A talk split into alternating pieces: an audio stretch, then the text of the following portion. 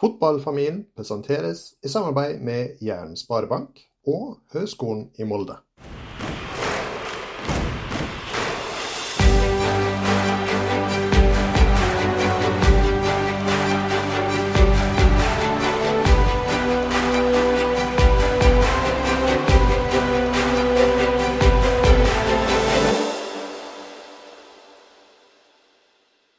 Velkommen til Fotballfamilien, en podkast for deg som er glad i fotball. Mitt navn, som alltid, Anders Solfjell Gjerseth, og oppe i Molde så sitter Hei, hei, Sander Gjerseth. Ja, riktig. Du, i dag har vi fornemt besøk, vil jeg påstå. Ikke ofte vi har så høyprofilerte gjester som i dag, Sander. Nei, iallfall ikke som uh, spiller i verdens beste liga og en av, uh, en av de klubbene i England som faktisk er på veldig opp og, på vei opp fram. Ja. Eh, jeg skal ikke sitte her og tørreprate, eh, det er ikke det lytterne våre er her for. Så jeg skal bare benytte anledningen til å ønske Kristoffer Ayer hjertelig velkommen til oss i Fotballfamilien. Jo, mange, mange takk. Nå har jeg hørt eh, diverse episoder og jeg liker podkasten utrolig godt, så jeg gleder meg til å være med. Det er utrolig kjekt å høre. Du, eh, vi varmer alltid litt opp eh, med noen oppvarmingsspørsmål. Det er helt eh, naturlig for oss da å gripe fatt i dagens eh, nyhet som eh, nådde meg på vei eh, hjem fra jobb. du har rett og slett signert ny kontrakt? Ja, Det var jo perfekt tidspunkt å ta podkasten på. Jeg signerte ny langtidskontrakt i Brentford, så det var utrolig stort. Det har vært litt forhandlinger et par-tre par, uker, og nå kom vi heldigvis i mål, så det, det var jeg veldig, veldig glad for. Det er jo fantastiske nyheter. Gratulerer så mye med det. Jeg, jeg må jo spørre deg òg. Eh, de har jo åpenbart stor tillit til deg, fordi du har jo slitt en del med skadeproblematikk og sånn, og vært uheldig i så måte. Men klubben viser jo med all tydelighet at du er en viktig bjelke i deres framtidsplaner. Ja, det er jo klart, som du sier. altså De to siste årene har jo vært vanskelig. Det første året spilte jeg en del før jeg ble skada. Men andre året, altså fjorårssesongen, var det mye, var det mye skader, dessverre. Men uh, jeg har hatt en veldig god start på sesongen i år. Spilt uh, regelmessig, fått en viktig rolle på laget. og hadde endelig en uh, oppkjøring uten skader, så da har jeg vel, har jeg vel vist de nok da, til at jeg kan holde meg frisk og levere godt i Premier League. Så da er det en dette er jo en klubb som analyserer alt, så det at de vil forlenge kontrakten er jo bare et godt tegn. Mm. Jeg må jo si det at det er utrolig bra for ikke minst eh, også norsk fotball og det norske landslaget at eh, vi har stabile spillere på øverste nivå også av de defensive. Det kommer vi nok tilbake igjen til. Så når vi liksom da ser du er akkurat ferdig med en kvalik som vi vel kanskje har vært litt sånn blanda suksess, i hvert fall for uh, Norge sin del. Uh, hva sitter du igjen med etterpå, sånn som hovedlinja? Nei, det er jo klart Vi er jo også like skuffa som uh, norske folk på at vi ikke kvalifiserte oss. Vi hadde et klart mål da kvaliken begynte, og det var å komme forbi Skottland og kvalifisere seg. og Det klarte vi ikke, så det er jo klart det er en skuffa gjeng. Men vi har veldig tro på prosjektet og veldig fornøyd med støtteapparatet og Ståle, ikke minst. så det er det er, det, er, det, er en, det er, en, fin giv i gruppa, men så klart det er jo resultatet som betyr noe. Så vi er jo nødt til å, nødt til å, begynne, å begynne, å levere bedre i de viktige kampene. Mm. Syns du kanskje det at eh, dere i bakre rekka får litt uh, ufortjent mye tyn i forhold til uh, hva dere sitter med en opplevelse av sjøl, eller? Nei, men det er jo klart, altså. Nå har vi vært sultefòra på målskårere og kreative spillere, og nå har vi masse av det. Så det er klart da når det ikke da kvalifiserer seg til eh, mesterskap, så blir jo fokuset retta litt bakover på banen. Så det, det, det er vi veldig greit med. Okay. Bra. Eh, jeg tenker at vi skal begynne å bevege oss litt over på dagens første spalte, som handler om relasjoner. Spalten presenteres i samarbeid med Jæren Sparebank. Det er som vi sier det på Jæren, det er jabbene som drar. Da har vi et fast åpningsspørsmål. Det eneste faste spørsmålet jeg har etter hvert. Hva tenker du Kristoffer, når du hører ordet relasjoner? Relasjoner, det er jo uh, veldig, veldig viktig for meg. Essensielt i fotball. At du har uh, et godt samarbeid med utrolig mange mennesker. For å komme nå hele veien til toppen, så er det er utrolig kompleks fotball. Du trenger hjelp på det mentale, du trenger hjelp på det fysiske. Du trenger gode støttespillere som alltid er der når ting går dårlig og når du er skada. Og så trenger vi folk som er eh, gode til å holde deg ganske balansert når ting flyter og ting uh, går utrolig bra i perioder. Så relasjoner ser jeg på som et uh, helhetlig samarbeid med flere mennesker. Riktig. Spennende. Eh, hvem er dine viktigste relasjoner, sånn som du liksom tenker først, eh, først på, i hvert fall? Nei, jeg har jo altså, min kone selvfølgelig, Marte, som jeg tilbringer utrolig mye tid med, og som er en fantastisk støttespiller. Og mine foreldre, som uh, Min far var jo trener for, på mitt lag siden jeg var uh, fire år gammel. Han har vært utrolig viktig i min utvikling. Og min mor har, uh, er den som alltid står i hjørnet mitt, uansett hvordan ting går. Så det er klart at Elle som har en familie som alltid, alltid støtter. Så jeg har to søstre som alltid heier på fra tribunen, så det er klart jeg er heldig der. Og så er jeg jo utrolig gode lagkamerater. Brentford er en klubb som jeg aldri har sett make til. Det er en familie som eh, jeg gleder meg til å dra og møte hver eneste dag. Så det er klart at det er eh, en relasjon jeg har fått med den klubben der som er eh, uvurderlig. Ja, vi hadde jo med Joshua Karesh som før har jobba i, i, Brentford, og han snakka jo mye om det med at det var veldig, en veldig åpen og god kultur av de han jobba med. Han var ikke så involvert i blant uh, A-lagene, men, men, kan du da bekrefte at uh, det er bra i, i spillergruppa og det sportslige? Ja, det er, den, det er den beste garderoben jeg har vært i, utvilsomt. Det er uh, kunne dratt ut og spist middag med hele den gjengen, og ikke minst alle i støtteapparatet. Utrolig samhold i hele, hele klubben. Så det, det, er jo en av de grunnene til at vi klarer å levere såpass stabilt i Premier League. Jeg tror vi har jo ikke det største budsjettet, men det at vi klarer å konkurrere mot de beste klubbene, vitner om en utrolig god kultur da, som ligger i bunnen. Så nei, det, det, det stemmer veldig godt. Ja, det blir jo naturlig, siden vi liksom følger Brentford-sporet. da, eh, fordi at Jeg har jo et inntrykk sånn sett utenfra òg, at det, det, er en klubb som i mange år har egentlig bygd litt sånn stein for stein, så kjedelig som den høres ut. Eh, hva er det som på en måte for din del kjennetegner kulturen i Brentford som skiller seg fra andre klubber du har vært i, eller andre klubber vi kan lese om i, i, i media?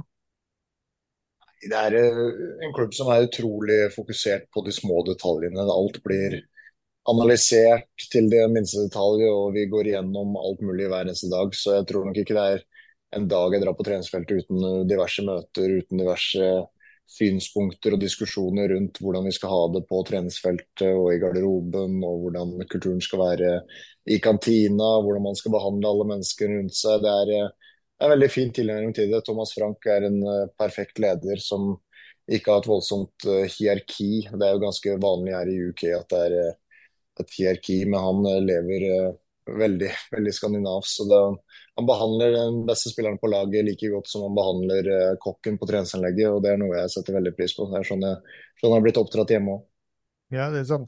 Jeg husker jo videoen av Erling Braut Haaland i City når han på en måte alle kasta fra seg treningstøyet på, på materialforvalteren, men han på en måte ga det pent eh, bretta sammen. Eh, er det litt sånn den skandinaviske kulturen at vi liker litt sånn flat struktur, og være litt sånn nært på og behandle alle med samme respekt? Ja, så tror jeg, tror jeg det er viktig i en konkurransekultur. og at alle som er i klubben i Brentford føler at de har en viktig rolle. Det er veldig enkelt hvis du har en, eh, altså ikke en flat eh, struktur at uh, folk føler seg litt overskygga noen ganger. Men jeg føler at i klubben i Brentford så føler alle at når vi tar tre poeng på lørdag, så har alle bidratt best mulig på sin måte hele uka. Så jeg tror det er en av våre store styrker. Mm. Så vil du på en måte, Jeg skal ikke gå for dypt inn i det, men vil du si at det er en sånn type sammenheng mellom kultur og relasjoner? Da? At det, det, det, er på en måte det relasjonelle aspektet som òg er med å forme en kultur? Ja, ja, gode, gode, relasjoner som vi har i Brentford former en solid kultur. Så hvis du sliter med relasjoner, hvis du eh, ikke behandler eh, menneskene rundt deg med respekt og skaper gode, trygge og gode relasjoner der, så, så blir det en, eh, mangel på en god kultur. Mm. Eh, litt sånn tilbake til, Du nevnte jo familien din og kona di. Eh, nå er jo jeg litt sånn nerd, siden dette jeg jobber med. Eh, hvor viktig er på en måte at det fungerer utenfor banen? Da, da tenker jeg ikke nødvendigvis bare nå, men sånn, det har gjort egentlig helt siden du slo igjennom på toppnivå i Norge til i dag. Hvor viktig er de personlige relasjonene for å ha den tryggheten i bånn for å, å levere på banen? Nei, Jeg tror det er alt det. Er en så altoppslukende jobb man har eh, med fotball der det er press 24-7. Så det å klare å skru av noen ganger, det tror jeg er veldig viktig. Det, det har Marte og mine foreldre vært utrolig dyktige til. Når jeg drar hjem fra trening, eh, så skal jeg selvfølgelig restituere og gjøre ting riktig der, og der også. Men eh, det diskuteres ikke mye fotball med Marte. Hun, hun, setter seg ikke veldig inn i det. Så det er noe jeg trives utrolig godt med. Det å ha det fint på hjemmebane, ikke bruke all tid og energi på fotball, det tror jeg er veldig viktig. Mm. Ja, og jeg tenker litt sånn da i neste omgang, Nesten alle gjester vi har snakka med, uansett om det er spillere, ledere, trenere eller andre, sier på en måte det at fotballen er litt sånn altoppslukende og vanskelig å kombinere med familieliv. Eh, har du kjent på det foreløpig? Ja, det er jo klart at i perioder når ting ikke flyter så godt, så bruker du mye av hjernekapasiteten på å tenke på fotball og tenke på hvordan ting skal bli bedre. Men Eh, så, det er viktig å finne en balanse. Men jeg føler egentlig selv at jeg har gjort det nå. Men eh, da jeg flytta til Glasgow og Celtic og opplevde plutselig å stå foran 60 000 mennesker med opp- og nedturer der og da, så, så, skal jeg innrømme da var jeg 18-19 år, og da sleit jeg litt med det stresset og presset som var, som var på, på, fotballbanen en gang i uka. Da, da brukte jeg mye av tiden ellers også på fundere på det og stresse med neste kamp og vite at jeg må levere for å holde plassen. Men uh, nå har nå har eh, brikkene falt såpass på plass, og jeg har det utrolig bra på utsida av banen at uh, nå, nå, nå, går det mye bedre. Ja, for Det er egentlig det du nevner der med at du en ung gutt som reiser til Glasgow, det gjør meg litt nysgjerrig. Hvordan er det? Du, du, var jo ikke kanskje nesten litt stjerne i starten som eh, veldig ung, og kommer til, til, Celtic, en stor klubb med, med store krav. og Hvordan blir det da? Nei, Det er jo klart, når du ikke til noen forkleinelse til Start og Sør Arena, men når du drar fra 1000 stykk på tribunen som uh, har det utrolig bra på Sørlandet, til uh, Glasgow, der det er et enormt press på å vinne hver eneste kamp, så er det klart at da, da, trenger du litt tilvenningsfase. Men jeg, jeg, er utrolig takknemlig for de fem årene Celtic. altså Jeg vant masse trofeer og møtte venner eh, som jeg kommer til å ha livet ut. Mine tre forlovere var jo fra Skottland som jeg traff i Celtic, så det er klart jeg har jo hatt utrolig mange flotte opplevelser. Og så, så er det opplevelser som uh, har vært vanskelige, med kritikk og dårlige prestasjoner. Men også, jeg sier alltid til de rundt meg at det har vært den beste oppdragelsen jeg kunne fått. Altså, jeg måtte bli mann veldig raskt, måtte lære å stå i vanskelige situasjoner. Måtte lære meg å skru av alt det, alt det presset rundt. Så det, det, jo, det har vært en uh, fantastisk læring da, å være kasta inn i en sånn eh, kultur som det var i Celtic. For det er virkelig det, det går hett for seg når ting ikke flyter. Mm. Og det, du, jeg leste jo et intervju med deg at du eh, rett og slett sletta sosiale medier en stund, stemmer det? Ja, ja altså, jeg, har, jeg, har ikke, jeg, har, ikke, vært på Twitter siden den kampen vi hadde i Celtic. så da det er jo klart at fotball betyr så ekstremt mye for mange, så jeg skjønner jo at det går en kule varmt noen ganger. Men uh, som fotballspiller på toppnivå, så tror jeg det er lurt å på en måte distansere seg litt fra diverse sosiale medier. Altså, det er utrolig mange som vet, eller tror de vet utrolig mye og melder, melder mye, men uh, når du er i fotballmiljøet og ser og vet hva som er best, så, så lønner det seg jo ikke å lytte til alle. Mm. Jeg leste også på en måte at du hadde en uh, eh, 24-timersregel som uh, du hadde avtalt med, med fruen, stemmer det? Det stemmer. det stemmer. Kan du si litt hva det handler om? Det er en regel som har blitt designa mest for meg etter de, disse skadeperiodene. At uh, jeg har 24 timer på å sutre og være litt nedfor, og så, så, er det en ny dag dagen etter. Så det har vært en regel som uh, vi egentlig begge to kan bruke, men Marte har ikke fått brukt den ennå. Så det er egentlig, egentlig kun jeg som har tatt den i bruk tre ganger etter de tre store skadene i fjor. Så det er en regel som eh, er veldig fin. Den, eh, du har da 24 timer på å være nedfor, og så må du opp på hesten igjen. og Det er sånn, sånn livet er. Du blir slått i trynet noen ganger, og så, så, må du bare komme deg opp igjen. Veldig spennende. Eh, vi må jo på en måte òg pense litt inn på vår eh, gamle gjest Louise. Som, eh, siden vi er inne på spalten relasjoner og snakker litt sånn om de mentale aspektene. Eh, hvordan kom det samarbeidet i gang?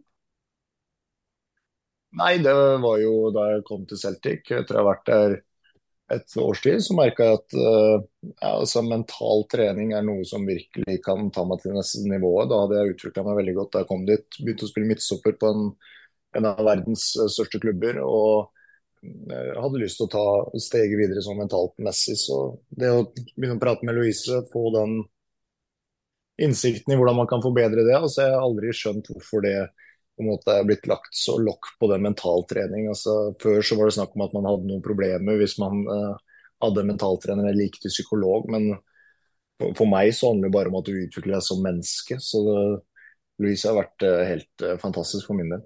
Mm. Eh, Louise var veldig uh, ryddig og, og, gjorde alle de riktige tingene hun snakket med oss. Hun sa at hun kunne ikke gå så veldig spesifikke detaljer. men har du lyst til bare å fortelle oss litt sånn hvordan dere spesifikt jobber sammen? Hvilke tema, hvor ofte og den type ting? Nei, vi, vi prater sammen så ca. en gang i uka. Da går vi gjennom hvordan uka har vært, eh, prater om neste kampen, hvordan ting går ellers i livet. Hun er utrolig dyktig til å på en måte involvere seg og spørre og interessere seg for hele mennesket, som jeg syns er utrolig bra. Hun hun bryr seg veldig om eh, hva man leverer de 90 minuttene på en lørdag, men eh, jeg tror hun syns det er vel så viktig hvordan du har det fra mandag til fredag. Så nei, hun er en utrolig god sparringspartner. Så er det jo klart at det er jo mange folk eh, tenker på fotballspillere at det er luksus. Det er ni til to, og så tjener du masse penger og spiller fotball og gjør egentlig det du drømte om. Og ja, det er klart, men det er en, det er en bakside av medaljen nå som folk ikke tenker på. Det er det er uh, utrolig mye kritikk. Det er uh, våkenetter når du har spilt dårlig fotball og blir slakta av alle. Det er, langt unna familiemedlemmer som går bort hjemme i Norge. Du reiser fra familie og venner, og det er vanskelig å bo alene i perioder. Det er, det, er, ting man må gjennom, og da å kunne ha en mentaltrener som har blitt så nær som Louise har vært for min del, har vært utrolig fint. Mm kan vel si det sånn at, eh, at jeg jobber med folk i 25 år, så kan jeg iallfall si det at det er ingen liktegn mellom å ha penger og mye, å leve godt, og ikke nødvendigvis ha nytte av å snakke med, med, med, med andre folk, altså. Det må jeg bare si. Ja, det er helt enig. Jeg ser jo stadig at, eh, at uh, Louise tar og så, uh, legger ut bilder av deg og, og Strand Larsen når det er på samling. Hvordan er det forskjellen på det å, å møte henne Eh, fysisk kontra det å snakke digitalt? Nei, altså i dagens samfunn så går det mest over digitalt. Men når vi treffes noen ganger i Oslo og når hun kommer på besøk til London, så uh, det, er, det er ikke stor forskjell. Det er hyggelig å treffe henne ansikt til ansikt noen ganger, men uh, FaceTime fungerer også veldig bra. Vi skal begynne så vidt og bevege oss litt over på neste spalte, som skal handle litt om motivasjon og utvikling. Spalten presenteres i samarbeid med Høgskolen i Molde. Det første jeg må spørre deg da, er om det som går på skader og motgang. For du slår igjennom tidlig i Norge. Jeg må jo bare si det at jeg var kjempeskuffa når jeg gikk til Celtic, for jeg håpet du skulle komme til Molde den gangen. Eh, men eh, veldig eh, rett til en storklubb. Masse press, masse folk på tribunene. Du gjorde jo, må jeg jo si, eh, ganske bra suksess, egentlig. Hvordan er på en måte det steget, da? Kan du liksom si Du sa noe om du måtte bli mann, men, men litt sånn fotballmessig? Nei, det er jo klart. Det er jo det er en helt annen kultur du må bli vant med. Jeg flytta dit og var 82 kilo og spilte midtbane, offensiv midtbanespiller og kom til klubben og ble egentlig tidlig ansett som en midtstopper. Og at jeg skulle utvikle det, så det var jo et ganske intenst første år der jeg fikk eh, jeg ble sendt ut på lån til Kilmarnock for å spille førstelagsfotball som midtstopper. Jeg fikk noen eh, proteinshaker om kvelden som man måtte drikke for å legge på meg, og noe gymprogram som var helt innsides. Så det er klart det første året da jeg la vel på meg en 13-14 kilo og spilte fotball i en tøff fysisk liga og måtte, måtte lære meg å takle, takle opp- og nedturer. I Celtic, som, nei, start, som du sier, så, så, det, så fløyt man på en nedgangsbølge, og man er ung og får egentlig ros om man klarer å ta, ta på seg fotballskoa riktig. Så det, det, det, er noe annet uh, å lære seg å stå i det trykket som, uh, som er i utlandet. Men uh, jeg er veldig, veldig, takknemlig for at jeg, jeg klarte det. Det er mange som, mange som, sliter med det, men jeg klarte å komme meg gjennom det. Jeg har alltid hatt utrolig gode relasjoner som vi var inne på tidligere, som har alltid backa meg når ting har vært vanskelig. Så det, det er jeg veldig takknemlig for.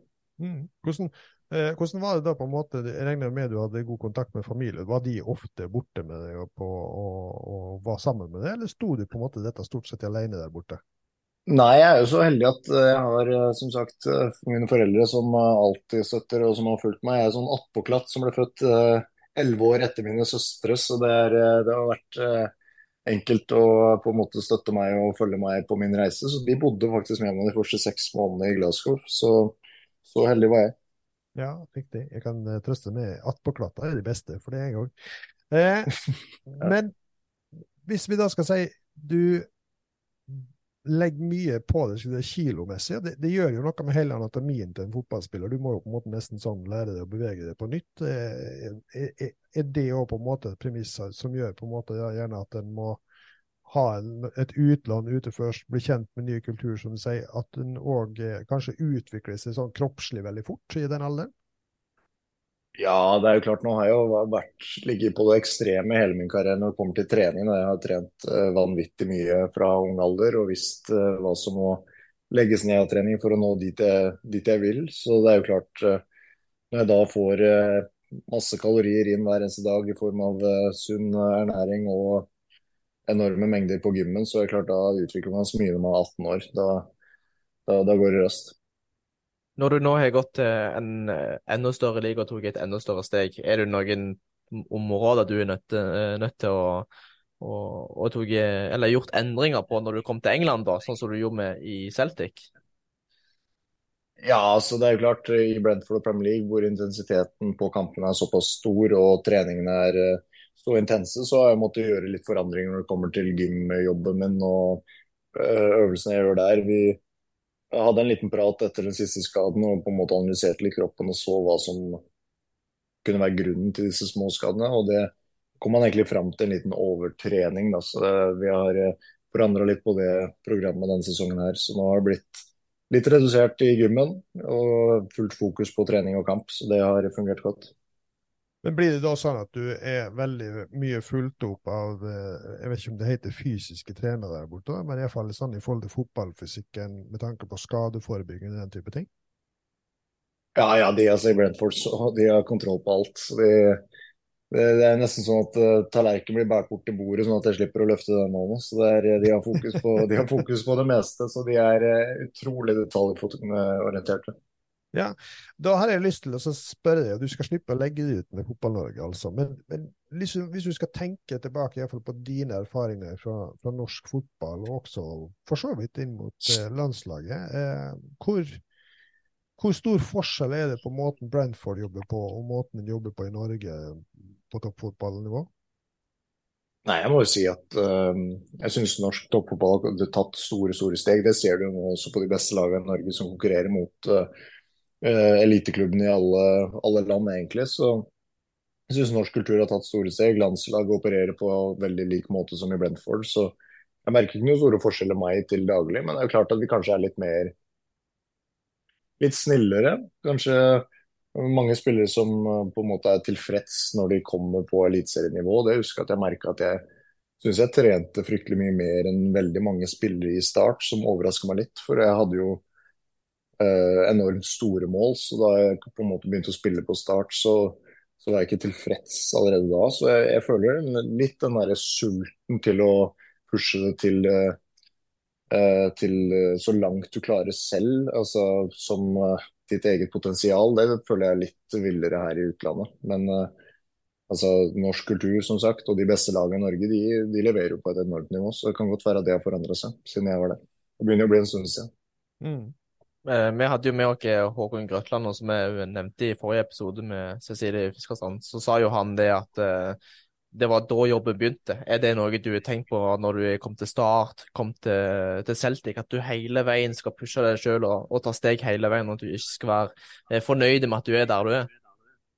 Ja, den, den, største frykten jeg har egentlig for min egen karriere altså Jeg, jeg har, forstår jo selv at jeg har jo et tak, jeg også, som alle andre, på hvor god jeg kan bli. Men den største frykten jeg har, er at jeg ser meg sjøl i speilet etter at jeg har lagt opp og på en måte eh, altså, Og ser egentlig at jeg ikke ble 100% Kristoffer Ayer. Det er den største frykten jeg har. Så jeg gjør alt hver eneste dag for at jeg etter karrieren kan være tilfreds og fornøyd med det jeg gjorde. At jeg ikke pluntra unna med noe. Så det er jo den mentaliteten jeg har hatt hele veien. Men hva, mener, hva legger du i 100% Kristoffer eh, Øyer? Det legger jeg i at uh, jeg blir så god som jeg på en måte kan få blitt fotballmessig. Så det er, et detaljfokus og restitusjon og hard trening og gjøre ting riktig og forbedre seg på de ting man må forbedre seg. Det er det jeg legger i det. Så jeg måler meg svært sjelden opp mot andre spillere, egentlig bare med enda mer fokusert på å bli bedre enn det jeg var for noen måneder siden. Så det er det som er fokuset mitt. Men når er det du Si etter en, endt karriere, da. Hvor tid du kan Eller hvordan er det du kan si at du sier du ble 100 Kristoffer Ayer? Hva er det som gjør at du har blitt det? Det er jo det jeg gjør hver eneste dag. Altså, eh, hva 100 Kristoffer Ayer er, det, det, det, vet jeg ikke. Det skal forhåpentligvis utvikle meg noen år til. Men det at jeg kan se meg selv i speilet og vise at, eh, vite at jeg har gjort alt jeg kunne hver eneste dag for å bli best mulig, og det, det vet jeg at jeg kan fram til jeg er 25, så det handler bare om å gjøre det samme fram til man er 35 og kanskje legger opp en gang. Det var vel Søren Kirkegård som sa livet må leves forlengs og forstås baklengs, så kanskje det er lettere å svare på dette spørsmålet etter karrieren? Riktig. Riktig. Men eh, litt sånn, eh, for du, du, har jo blant annet igjen uttalt, eh, jeg har jo lest litt igjen eh, intervjuer med deg opp igjennom, du, du, du kom med en liten sånn eh, hva skal vi kalle det, en eh, motstand mot de som sier at du ikke kan trene deg rask. Ja. kan du si litt hva som gjør at du tenker det? Nei, Jeg er jo et uh, prakteksempel når det kommer til det. da. Jeg var uh, treigeste på guttelaget til Lillestrøm. Jeg var uh, den treigeste da var jeg veldig ung, da jeg kom opp på juniorlaget. Jeg var den soleklart treigeste der. og Da prata jeg med min far. Han uh, har jo alltid hatt en drøm om at jeg skal bli toppfotballspiller. og Da sa han at han hadde fått voldsomt at han hadde blitt litt raskere da, med å trene mye styrke på beina og gjøre litt eksplosive øvelser der. Så da er jo veldig lik hans. og Da kjørte jeg et program eh, på Åråsen. Jeg husker jeg trente til langt på kvelden. Materialforvalteren Tor Arne Solberg som var i Lillestrøm, han er der fortsatt. Han satt inne på gymmen og venta til eh, jeg hadde trent ferdig og fikk vaska tøyet mitt. og Der hadde jeg også en flott relasjon som tok vare på meg der. Eh, og Da trente jeg med lykt i trappene på Åråsen. Jeg kjørte utrolig mye repeterte sprinter og spensthopp og tung styrketrening på beina. Så tok jeg det videre til Kristiansand og Start, der jeg løp med en fallskjerm etter meg på Sør Arena. Ble latterliggjort der, men jeg har alltid tatt uh, mine egne veier for å utvikle meg. Så, og Det har jo resultert i at jeg var den raskeste midtsopperen i Premier League i fjor. Så det, jo, det har gitt resultater. Det må jo være utrolig inspirerende for unge, litt uh, treige midtstoppere å høre. Uh, så er det, er det, mer innovasjon i, i, treningsarbeidet, eller er det på en måte kanskje mer den der målbevisstheten, eller er det litt av begge deler? Jeg tror det er det utrolig jag på etter detaljer. da, At jeg har eh, aldri vært fornøyd å gå igjen etter en trening hvor jeg ikke har gitt 100% og levert alle repetisjoner på maks. Jeg tror det er det det handler om når du trener hurtighet. at Når du tar de trappeløpene, så er det veldig mange som på en måte bare kommer seg opp trappa på en grei mulig måte, men jeg har alltid gått 100% i det hver eneste repetisjon. og det er jo klart at på løpet av mange år så gir det resultater. Jeg har aldri hatt den følelsen av at du har vært den som er mest i media, men jeg føler spesielt de siste to ukene så føler jeg at jeg har sett veldig mye til deg i media. Er det noe grunn til at du har vært litt vekke og eventuelt kommer litt ekstra inn nå, eller?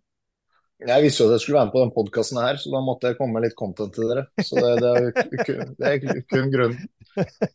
Så nå kommer jeg til å forsvinne helt igjen. Det var noe utrolig hyggelig. Nei, ok, men, men, ja, men litt sånn spøk til alvor. Handler det litt om på en måte det fokuset på landslaget, tror du, eller handler det om andre ting?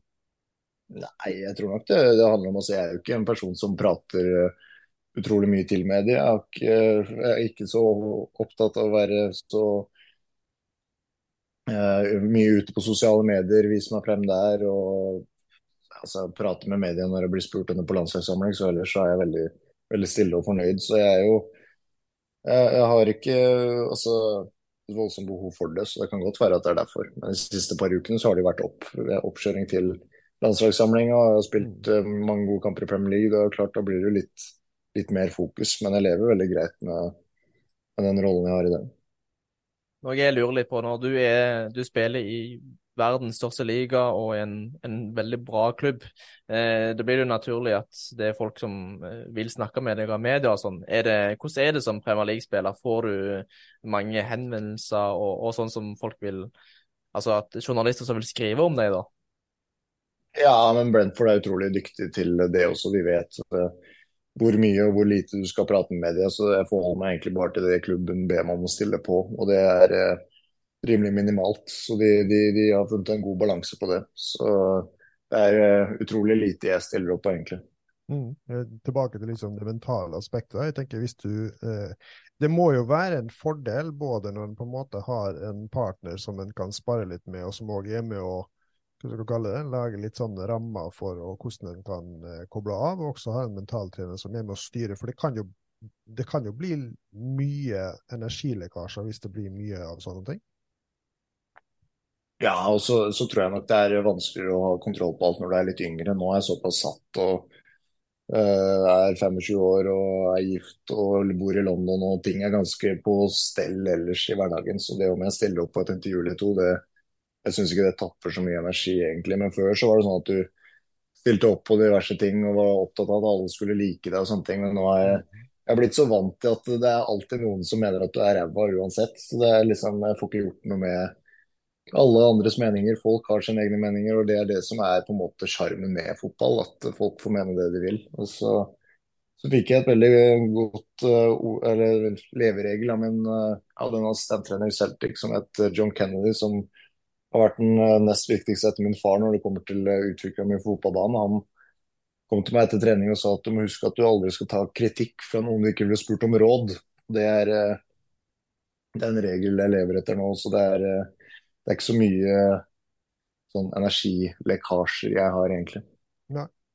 Eh, det er jo ingen tvil Kristoffer, eh, at eh, gjennom å ha gått den veien du har, og lykkes på toppnivå, spille Premier League og leve drømmen til mange unge norske fotballspillere, så er det nok mange som vil ha det som et forbilde. og da er det jo naturlig i en podkast som dette at vi ber deg, hvis du skal gi noen råd til unge spillere ikke sant, eh, som står litt sånn De kan stå tidlig i karriere, eller de kan stå med veiskillerkarriere. Hva er de viktigste tingene for på en måte å ta de siste stegene?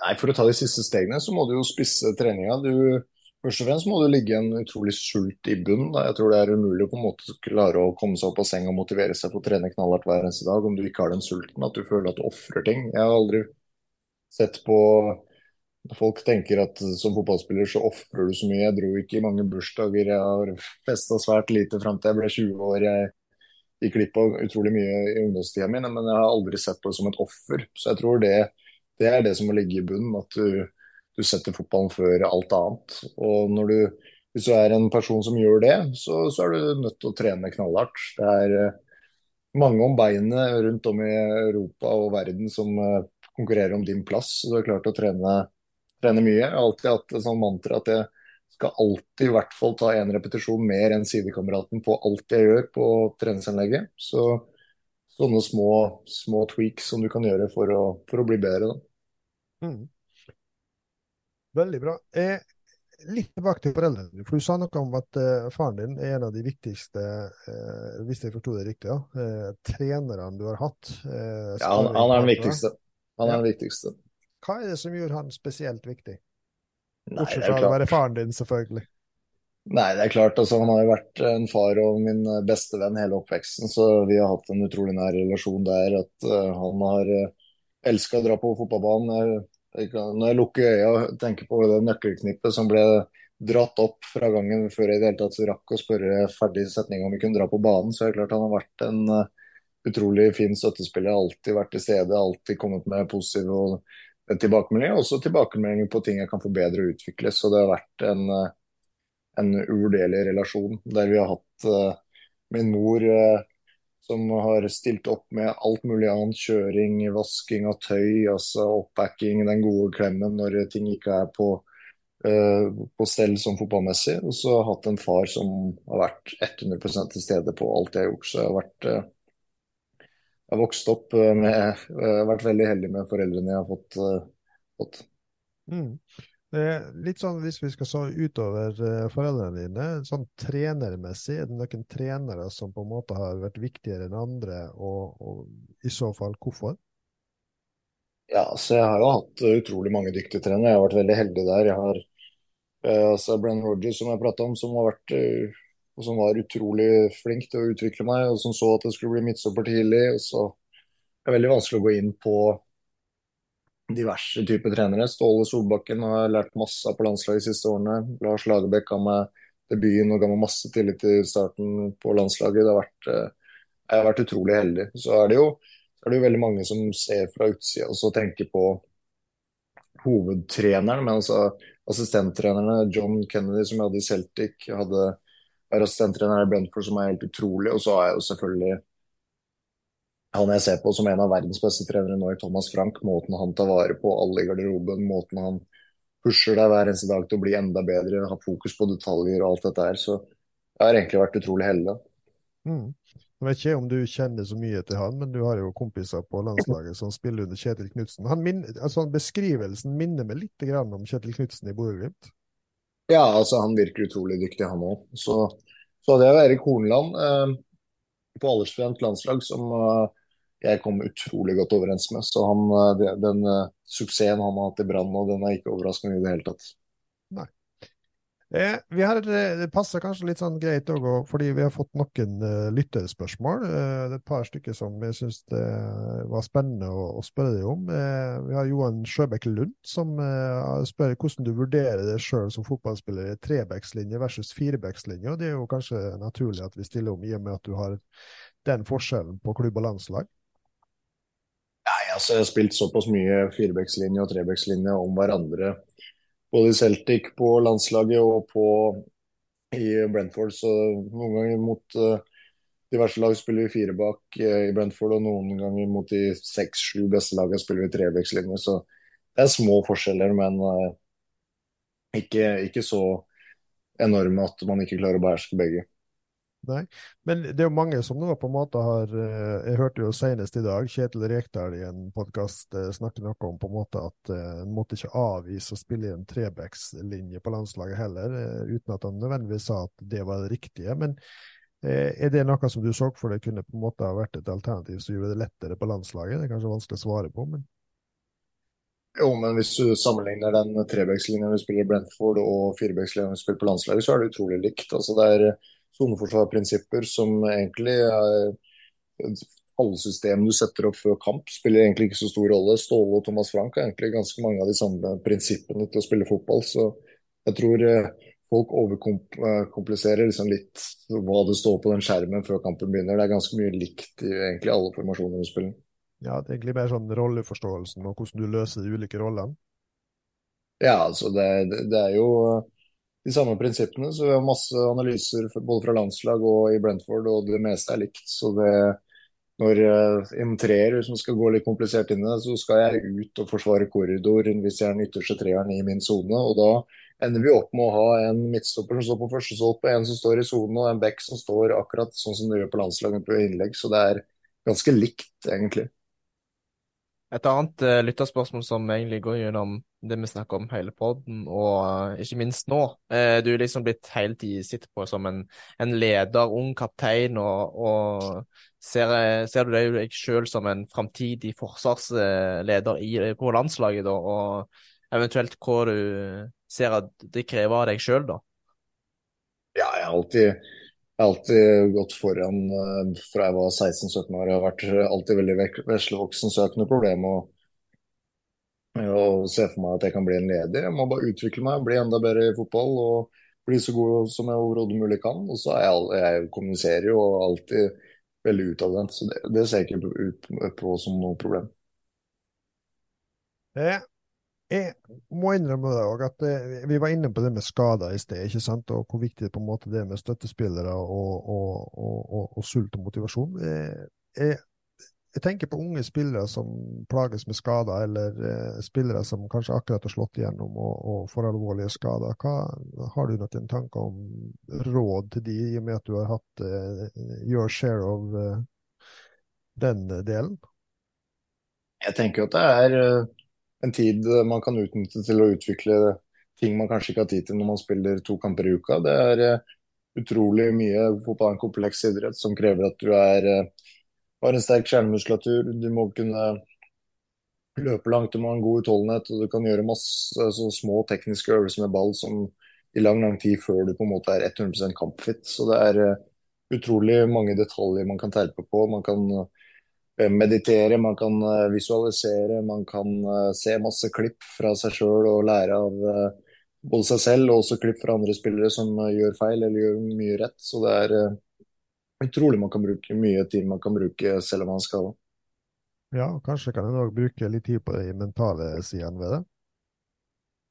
Ja, jeg har veldig tro på det selv, så jeg mediterer jo hver dag og gjør diverse ting for min mentale helse. Så det tror jeg er, er viktig for flere å implementere. Mm, mange, det, jeg legger jo merke til det er mange av uh, de på landslaget, da, hvis vi tar utgangspunkt i, i norske spillere, som uh, bruker meditasjon og en del andre typer virkemidler for uh, prestasjonsforbedring. Er, er det noe som dere snakker om på, på samling, utveksler erfaringer, eller er dette noe du primært tar med klubb eller med, med Louise? Jeg tror når man er på, på, landslaget, så det er som du sier, de fleste spillerne der er Vi gjør jo egentlig ganske mye likt. Altså, når man er på det topp, toppnivået som landslaget er, så, så, gjør alle spillerne der alt de kan for å bli best mulig. Så da, da går da mediterer de fleste hver eneste dag og gjør egentlig alt de kan for å holde seg frisk og bli bedre. Så det er ganske likt der. Ja. Har du spesielle typer medisjonsteknikker du bruker, eller er det noe Nei, jeg, mediter jeg, jeg, mediterer hver eneste dag eh, om morgenen eh, hvor jeg har eh, ti minutter hvor jeg kun sitter med pusten og fokuserer på eh, kose meg med det. Så det, da er det kun fokus på, på den pusten. Og så visualiserer jeg på kampdag før kamp diverse aksjoner som jeg skal som, som jeg satser på å komme inn når jeg spiller kamp. Mm. Dette tror jeg faktisk er veldig mange unge som kan ha nytte av i livet generelt sett. OK, eh, vi skal begynne etter hvert å, å, gå litt sånn inn for en landing, men eh, jeg har lyst til å eh, Jeg må innrømme at jeg skal innrømme en ting. Jeg glemte et spørsmål som er veldig viktig for meg å stille til alle eh, som har nådd så langt. Eh, litt sånn hvis du tenker tilbake på før du slår igjen på toppnivå, hvor viktig har på en måte liksom det med leik og, og eh, hva skal jeg si, den uorganiserte delen av idretten vært for at du har blitt så god som du har blitt? Har vært utrolig viktig. Altså, det er jo det jeg syns er mest synd med dagens samfunn. At de ballbingene jeg kjører forbi fotballbanene, altså, de, de, de, står tomme. Det er jo det største sorgen jeg har når jeg drar hjem til Norge om sommeren og kjører forbi banen jeg var på døgnet rundt. Den leiken der tror jeg er helt uvurderlig. Den sosialiseringa, det å bli altså, kødda med på fotballbanen hvis du spiller dårlig, eller kjenne på den der eh, altså den gleden av å slå et par kamerater som slo deg dagen før. altså den, den leiken der tror jeg er utrolig utviklende, både som fotballspiller, men ikke minst som menneske. Den der hverdagslige konkurreringa og hyggen der. Det, det ser jeg på som alfa og omega egentlig for min karriere. Mm. Tenker du kanskje at det kan bli for mye organisering, og at uh, en uh, får for mye oppi hendene for tidlig? Altså, jeg tror nok det er viktig å finne en fin balanse. Hvis du ender opp med kun, uh, kun trene hvis det er organisert trening, så tror, jeg, så tror jeg det er sjanseløst. Men det er også viktig å ha det ganske organisert fra ung alder. Jeg var jo f.eks. med på Norsk Fotballakademi, et akademi som har fått mye kritikk rundt om i Norge. Men eh, jeg var kjempe, er kjempepositiv til det. Jeg har alltid vært på utkikk etter forbedring og kunne ha det beste produktet. Så da dro jeg på NFA hver onsdag hver fredag på Valhall. Så eh, det, det, å ha en struktur i hverdagen tror jeg er viktig. Men du er nødt til å ha den leiken også. Den der hyggen på banen og i badebinga de tre-fire timene hver lørdag og søndag som uh, er utvikling samtidig som du koser deg med fotball. Det tror jeg er veldig viktig. Jeg har et uh, spørsmål litt her på tampen som kanskje timing er litt rar, men uh, når du uh, Jeg så deg jo her på den oppgjøret, eller derbyet, da, Vålerenga-Lillestrøm, og da var du der med, med Lillestrøm-skjerf og helpakka. Jeg er egentlig litt vokst opp til det at jeg ser på deg som en startgutt, på en måte.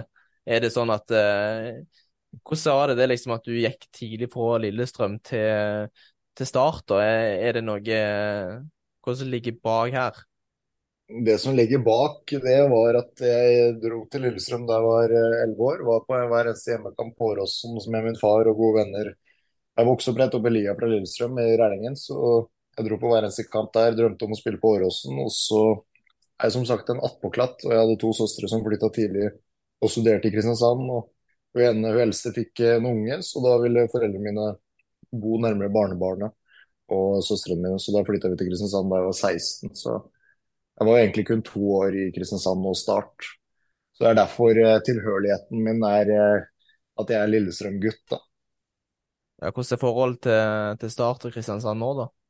Nei, fantastisk. Jeg har funnet uh, uh, Fruen er fra Sørlandet og familien bor i Kristiansand, så det er der jeg drar hjem når jeg er på ferie hjemme. Så Kristiansand er Norges flotteste by, og jeg trivdes utrolig godt i start. Så det er, det er kun flotte ting å si om det.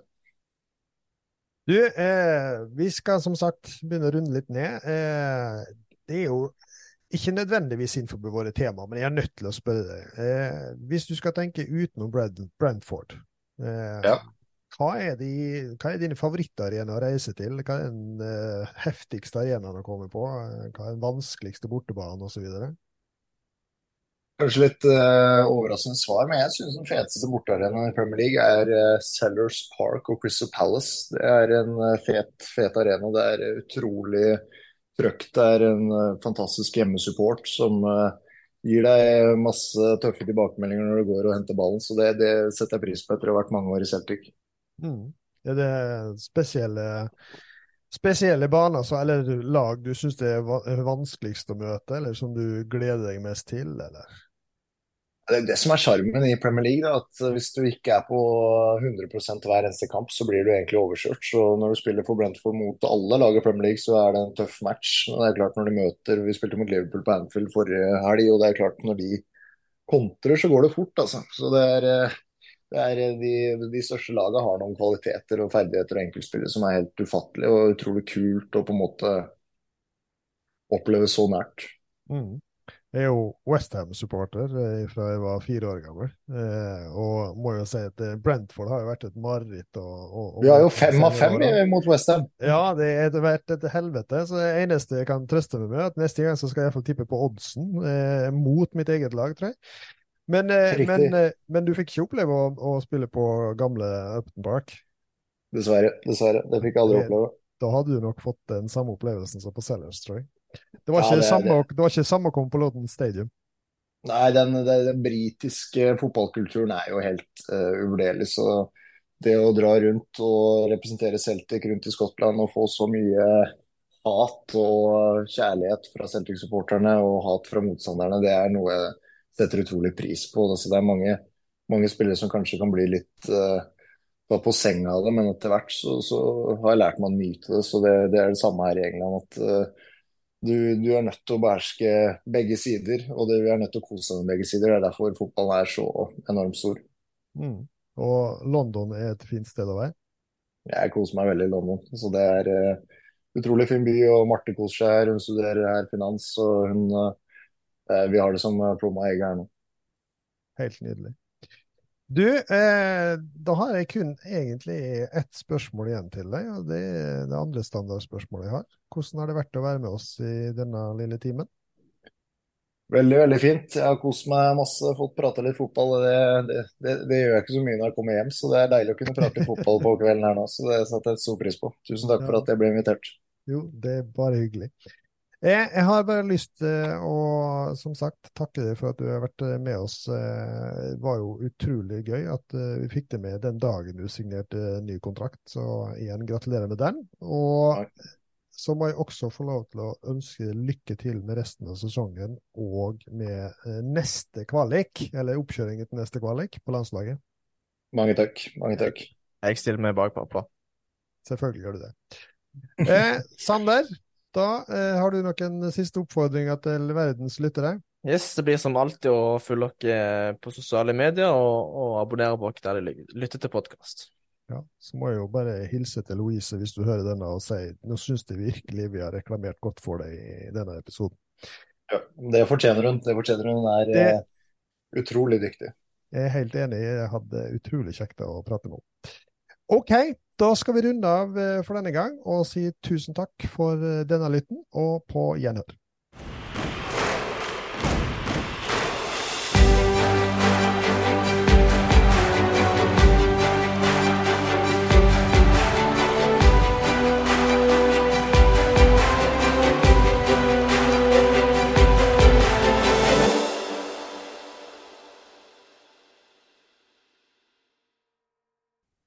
Fotballfamilien ble presentert i samarbeid med Jæren Sparebank og Høgskolen i Molde.